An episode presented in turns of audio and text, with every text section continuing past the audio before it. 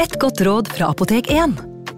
Nå er snart pollensesongen i gang, og et godt råd til deg som sliter med pollenallergi, er å begynne behandlingen i god tid før allergisesongen starter. Da får du nemlig enda bedre effekt av legemidlene, og så blir ikke våren din helt ødelagt. Kom innom og få råd på ditt nærmeste Apotek 1, eller chat med oss på apotek1.no. Apotek 1 vår kunnskap, din trygghet.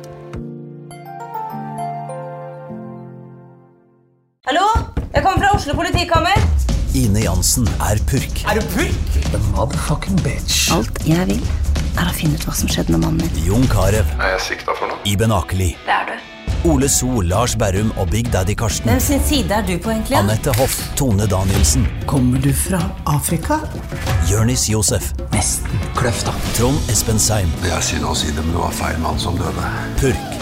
Premiere tirsdag på TV2 Play. Hei! Takk for at du lytter til True Crime Podden dokumentar. Skulle du ønske at du kunne høre en ny episode av denne podkasten hver eneste uke? Vel, da er det bare å laste ned podkastappen Untold med en gang. I tillegg til ukentlige episoder av podkaster som Skrekkpodden, Synderne og True Crime Podden, får du masse annet reklamefritt og eksklusivt innhold. Last ned Untold i AppStore eller Google Play, og start din 30 dagers prøveperiode i dag. you.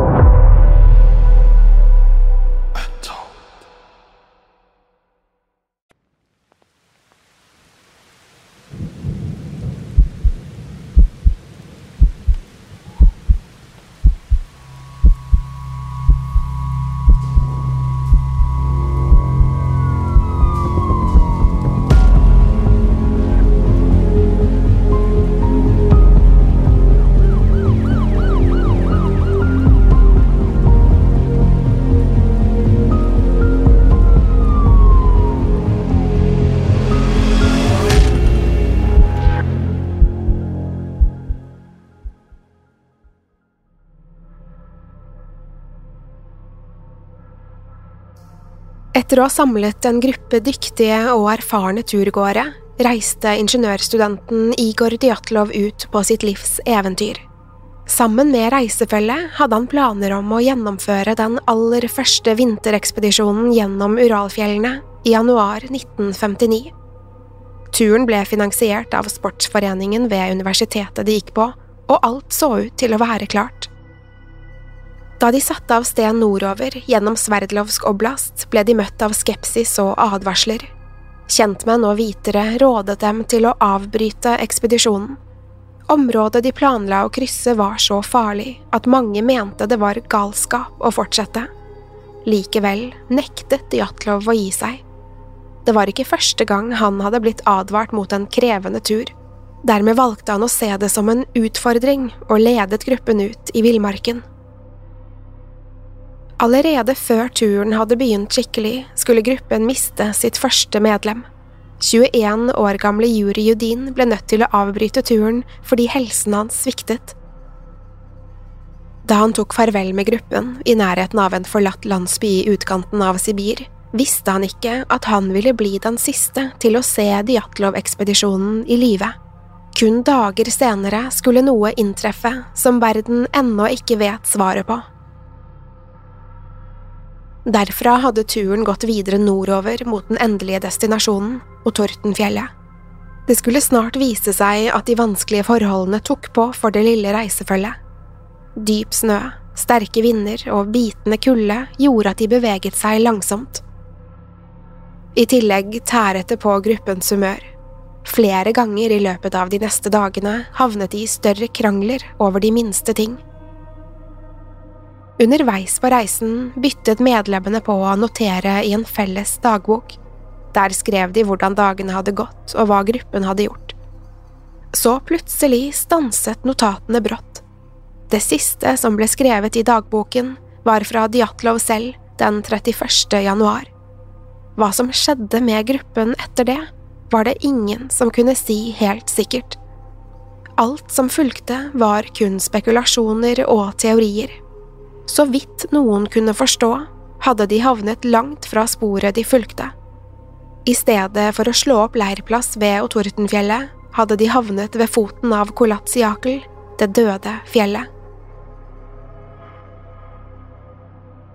Om morgenen den 12. februar 1959 kom lederen for sportsforeningen ved Oral Polytekniske universitet inn på kontoret sitt.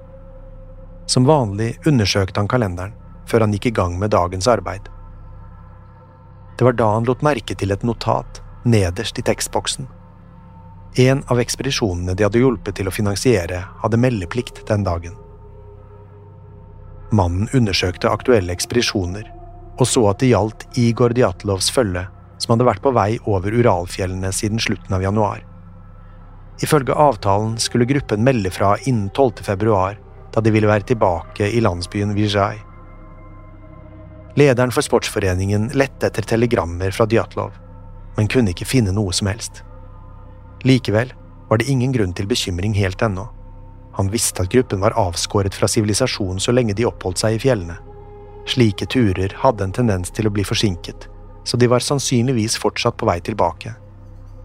Dermed lot han notatet ligge, slik at gruppen skulle få et par dager på seg. Dagene gikk, og det kom fremdeles ingen telegram fra Djatlov-ekspedisjonen. Innen 17. februar innså lederen for sportsforeningen at noe måtte ha gått fryktelig galt. Ekspedisjonen skulle på ingen måte vare så lenge. Noe måtte ha skjedd med dem, og nå var det hans ansvar å finne ut hvor de var blitt av.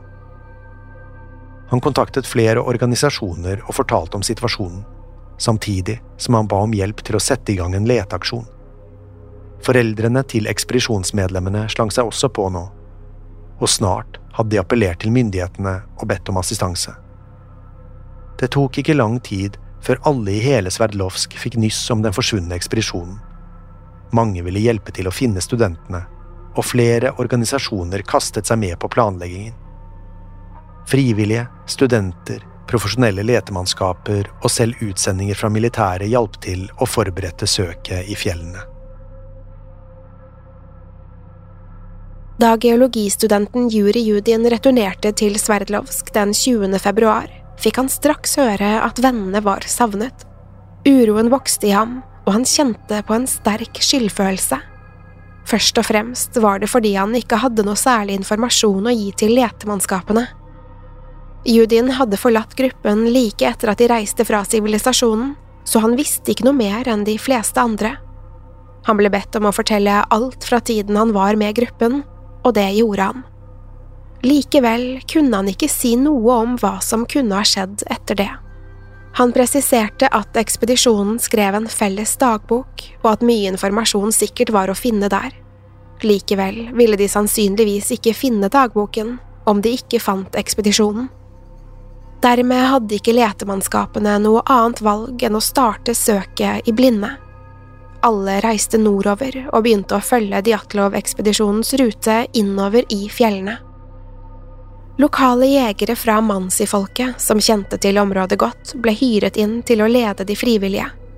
I tillegg ble det flydd flere fly og helikoptre over området, i håp om å få øye på noe fra luften. Dagene gikk, og ingen nye spor dukket opp. Det kunne nærmest se ut som gruppen hadde forsvunnet i løse luften. Snøen lå dyp over hele området, så om noen eller noe befant seg under snøen, ville det være så godt som umulig å oppdage fra luften. Etter fem dager uten resultater var mange i ferd med å gi opp. Likevel var det noen få som fremdeles holdt på håpet om at gruppen var i live et sted i villmarken. En av dem var Igor Djatlovs gode venn, den erfarne turgåeren Boris Lobstov. Han overtok ledelsen for en av søkepatruljene og begynte ved gruppens endelige destinasjon, Ortortenfjellet. Derfra beveget de seg bakover på Diatlov-ekspedisjonens planlagte rute. Så, den 26. februar 1959, en måned etter at ekspedisjonen forlot Vijay, skulle noe endelig dukke opp. I nærheten av fjellet Koladziakl fant Boris plutselig flere skispor som han mente måtte stamme fra Djatlov og følget hans. Han visste at de var ni medlemmer, og så vidt han kunne se, var det spor etter åtte til ni par ski. Sporet strakte seg oppover åssiden, mot Koladsjakl. Boris og letemannskapene hans fulgte skisporene i timevis før de endelig fikk øye på noe i det fjerne. Dypt begravet i snøen så de fliker av en ødelagt teltduk. Boris løp opp de siste meterne til han nådde teltet. Der fikk han se en lommelykt som hvilte på teltduken. I tillegg sto det en ishakke og flere par ski i snøen utenfor. Han rev teltduken til side, men innenfor var det ingen. Det eneste han kunne se, var varmeovnen som Djatlov selv hadde konstruert, hauger med klær og gruppens proviant. I tillegg lå alle dagbøkene igjen på bakken. Boris kjente innvollene vri seg i magen da han innså hva slags klær som lå igjen i teltet. Han var omringet av tykke vinterjakker, luer, votter og støvler. Så vidt han kunne skjønne, hadde Djatlov-ekspedisjonen forlatt det varme teltet og vandret ut i vinterkulden uten skikkelige klær. Ingenting ved dette lovet godt, og Boris begynte å miste håp om å finne kameraten i live. Nå hadde letemannskapene i det minste et sted å gå ut ifra. Djatlov-ekspedisjonen kunne ikke ha kommet så langt tynnkledd, så de var nødt til å være i området. Den 27. februar samlet alle letemannskapene seg ved teltet og begynte å gå i forskjellige retninger. Det tok ikke lang tid før det dukket opp merkelige fotspor lenger nede i åsen. Det kunne se ut som de tilhørte samtlige av de ni medlemmene i gruppen, men etter gangmønster å dømme virket ikke som de hadde noe hastverk. Faktisk så det ut som de hadde gått rolig og organisert, i samlet flokk nedover åssiden. Likevel kunne letemannskapene se at flere ikke hadde hatt sko på seg. Etter hvert som letemannskapene fant flere spor, begynte de å sirkle seg inn på et spesifikt område. Senere den samme dagen holdt to av letemannskapene på å finne en passende leirplass som de kunne bruke som base under letingen. Plutselig kom de over noe som kunne minne om restene av et bål like ved et stort sedertre. Med det samme slo tanken dem om at det kunne være Djatlov-ekspedisjonens verk. De to mennene nærmet seg forsiktig da de plutselig la merke til noe som stakk opp fra snøen. De trengte ikke å gå nærmere for å forstå hva det var. Det var deler av et nakent ben, blåaktig og stivfrossent. Mennene ropte på hjelp, og straks samlet det seg en stor gruppe rundt dem. Snøen ble børstet bort, og snart kom liket av en mannsperson til syne. Ved nærmere undersøkelser ble det klart at det var liket av Georgij Krivonsjenko. Like ved siden av ham lå også liket av Jurij Dorosjenko, han lå med ansiktet ned i snøen, på en haug med avbrukne kvister. Selv om Boris og de andre ikke hadde forventet å finne ekspedisjonen i live, var det fremdeles et trist syn. Likevel kunne de ikke la være å forundre seg over hvor tynnkledde de to likene var. Georgi og Juri var kun ikledd tynne gensere og shorts. Hvorfor hadde de forlatt teltet uten skikkelige klær? Spesielt hvis de hadde gått så rolig ned fra fjellet. Det var også en annen detalj som var merkelig. Det lille mennene hadde på seg, så ut til å være delvis forbrent og fillete. Det skulle ikke ta lang tid før flere lik dukket opp. Allerede samme dag ble enda en stivfrossen kropp funnet, 300 meter fra sedertreet. Liket klamret seg fast i en lavthengende gren med ansiktet opp. Det var ikke noen tvil om hvem liket tilhørte. Det var ekspedisjonslederen Igor Djatlov. Snart ble også liket av Sinaida Kolmogorova funnet, under et tynt lag med snø. Hun lå med ansiktet ned og hodet i retning teltet, som om hun hadde forsøkt å finne veien tilbake. I motsetning til mennene var Sinaida bedre kledd. Hun hadde på seg en tykk vinterjakke med hette, men også hun hadde gått ut i kulden uten støvler.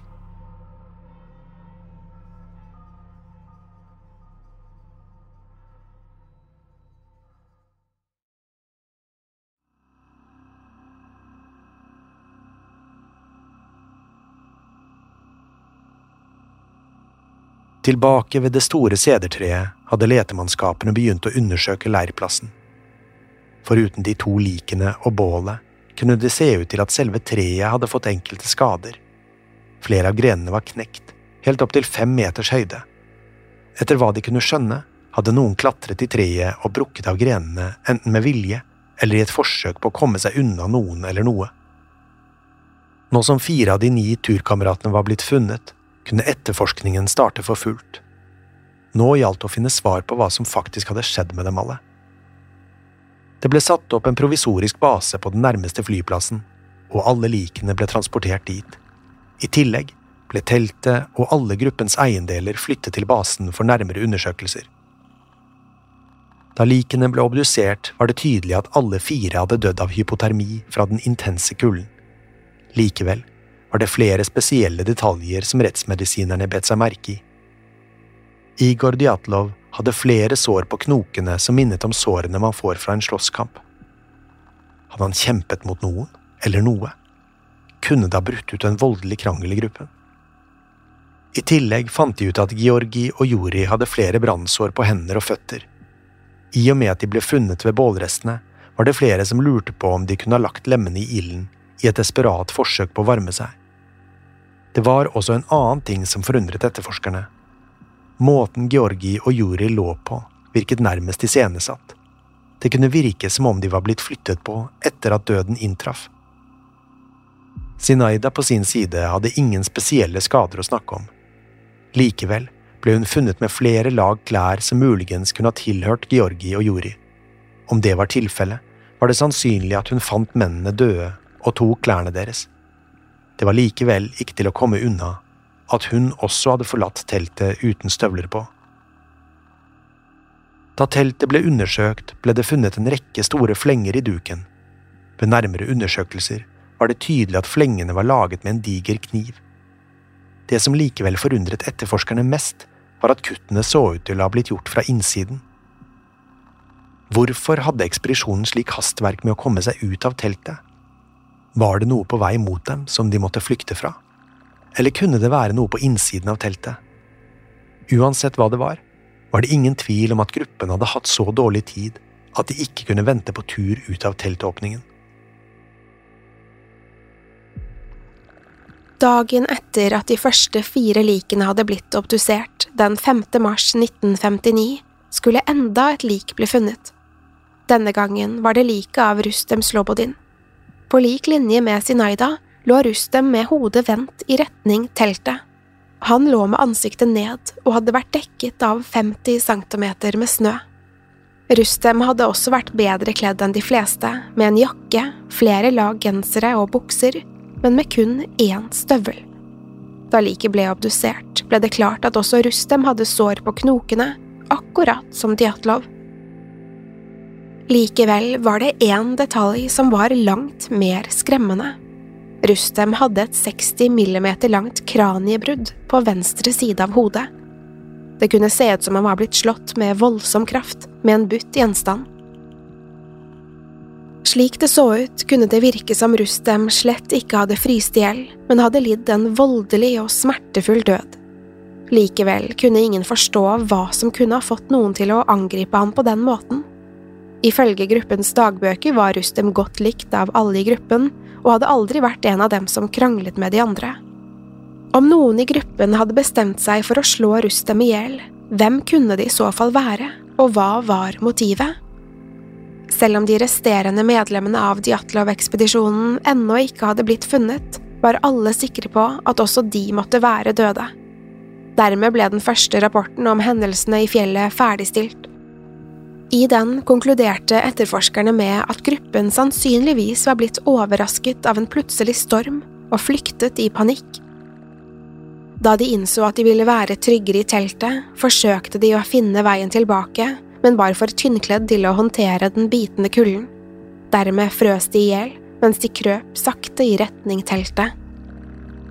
Igor Djatlov fikk skylden for å ha ledet gruppen inn i et farlig område og universitetet og sportsforeningen fikk skylden for å ikke ha beskyttet studentene. I etterkant var det flere ledere som måtte gå av på grunn av skandalen, i det som skulle få navnet Djatlov-passet. Imens fortsatte noen få å lete etter de siste fire medlemmene av ekspedisjonen. Hele to måneder gikk uten noen nye funn, og mange var i ferd med å gi opp. Det kunne se ut som om resten av reisefølget var forsvunnet sporløst i villmarken. Det var helt til en jeger fra Mansi-folket snublet over noe den 5. mai 1959. Like i nærheten av en bekk fant jegeren en forbrent bukse med det ene benet skåret av med kniv. Funnet ble varslet til letemannskapene, som straks gikk i gang med å grave i området. Etter hvert som de gravde seg dypere og dypere ned i snøen, kom det flere klær til syne, samt flere avskjærte kvister. Til slutt dukket det opp et lik. Det var av den eneste andre kvinnen i reisefølget, Ljudmila Dobinina. Hun lå på langs over bekken med ansiktet i vannet og armene utstrakt. Derfra skulle det ikke ta lang tid før de tre siste medlemmene av Djatlov-ekspedisjonen ble funnet. Alle fire ble sendt til obduksjon og svarene kom noen dager senere, den 9. mai. Nå var etterforskerne mer forvirret enn noen gang. Ingen av de fire så ut til å ha dødd av hypotermi slik som de andre. De hadde heller ingen alvorlige ytre skader på kroppen. Det de hadde, var uforklarlige og fatale indre skader. Nikolai Vladimirovitsj hadde et stort kraniebrudd som strakte seg over hele den høyre siden av skallen hans. Aleksandr Kolevatov hadde fått nakken deformert og hadde et stort, åpent sår bak øret. Semyon Solidarjov hadde fått brystet knust og døde av indre blødninger fra brukne ribben.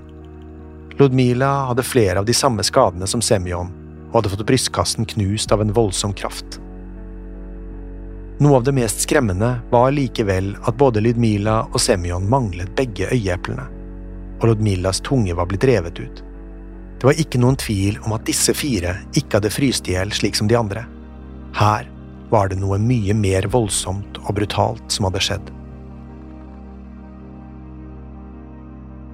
Den første teorien etterforskerne vurderte, var at Ludmilla, Simon, Alexander og Nikolai hadde falt og slått seg så stygt at skadene var dødelige. Likevel skulle denne teorien forkastes ganske snart. Det var nemlig ingen steder gruppen kunne falt fra som var høyt nok til å påføre dem slike skader. I tillegg virket det umulig at de kun hadde fått indre skader av et fall. Om de hadde blitt knust mot de skarpe steinene i bekken, ville de ha fått tydelige sår i huden.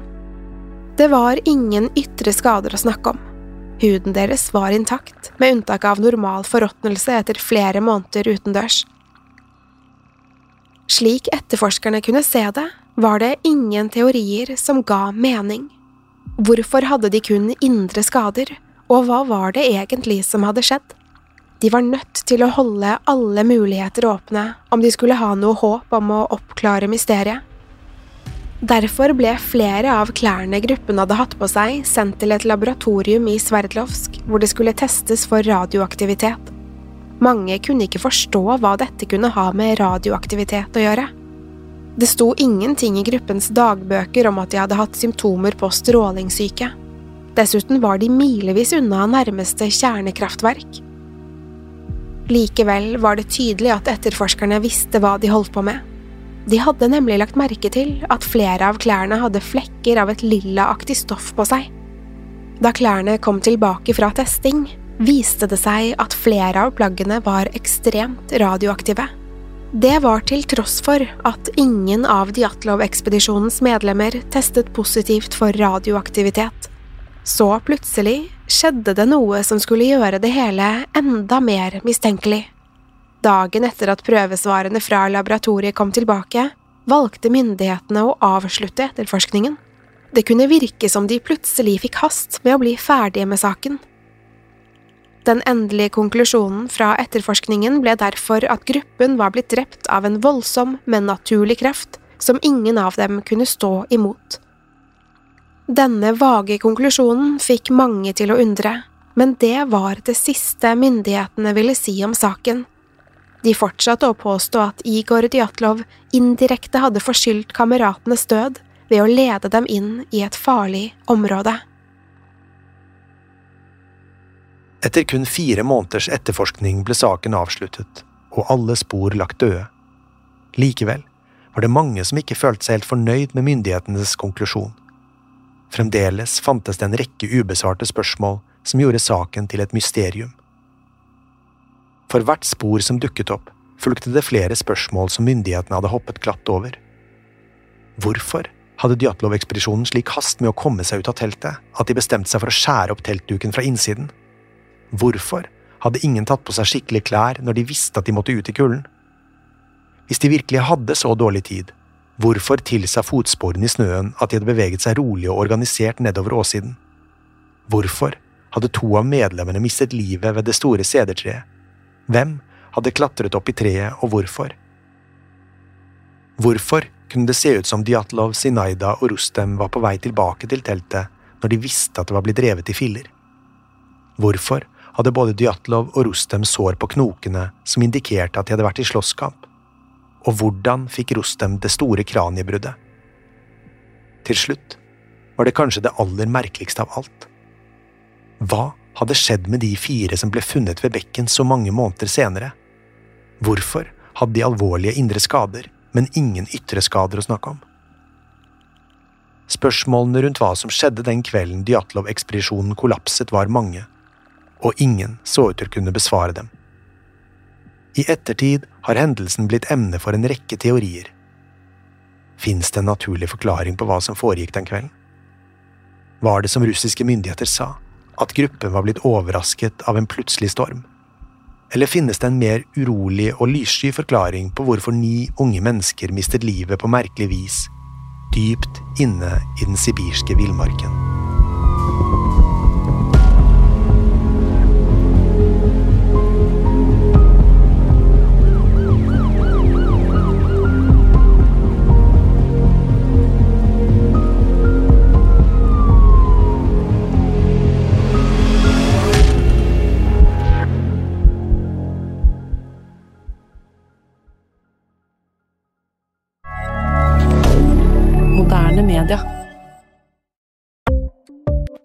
Ukens annonsør er Folio, en smartere banktjeneste for deg som har en egen bedrift eller ønsker å starte for deg selv.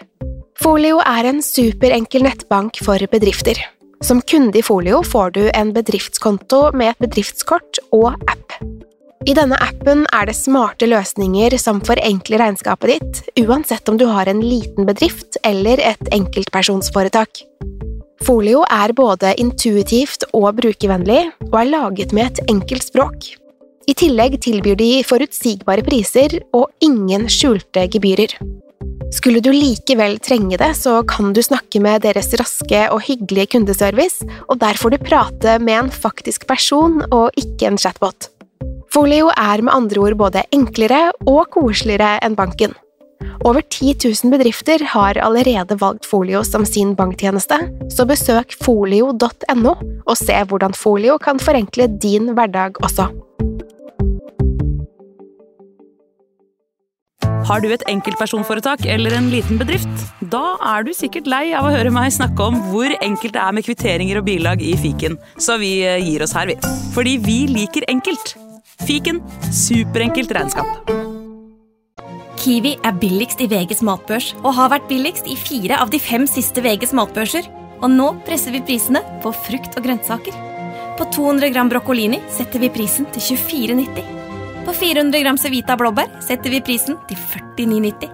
Og husk, alle Kiwi Pluss-kunder får i tillegg 15% trumfbonus på all fersk frukt og grønt. For det er vi som er prispresserne. Og vi i Kiwi gir oss aldri på pris.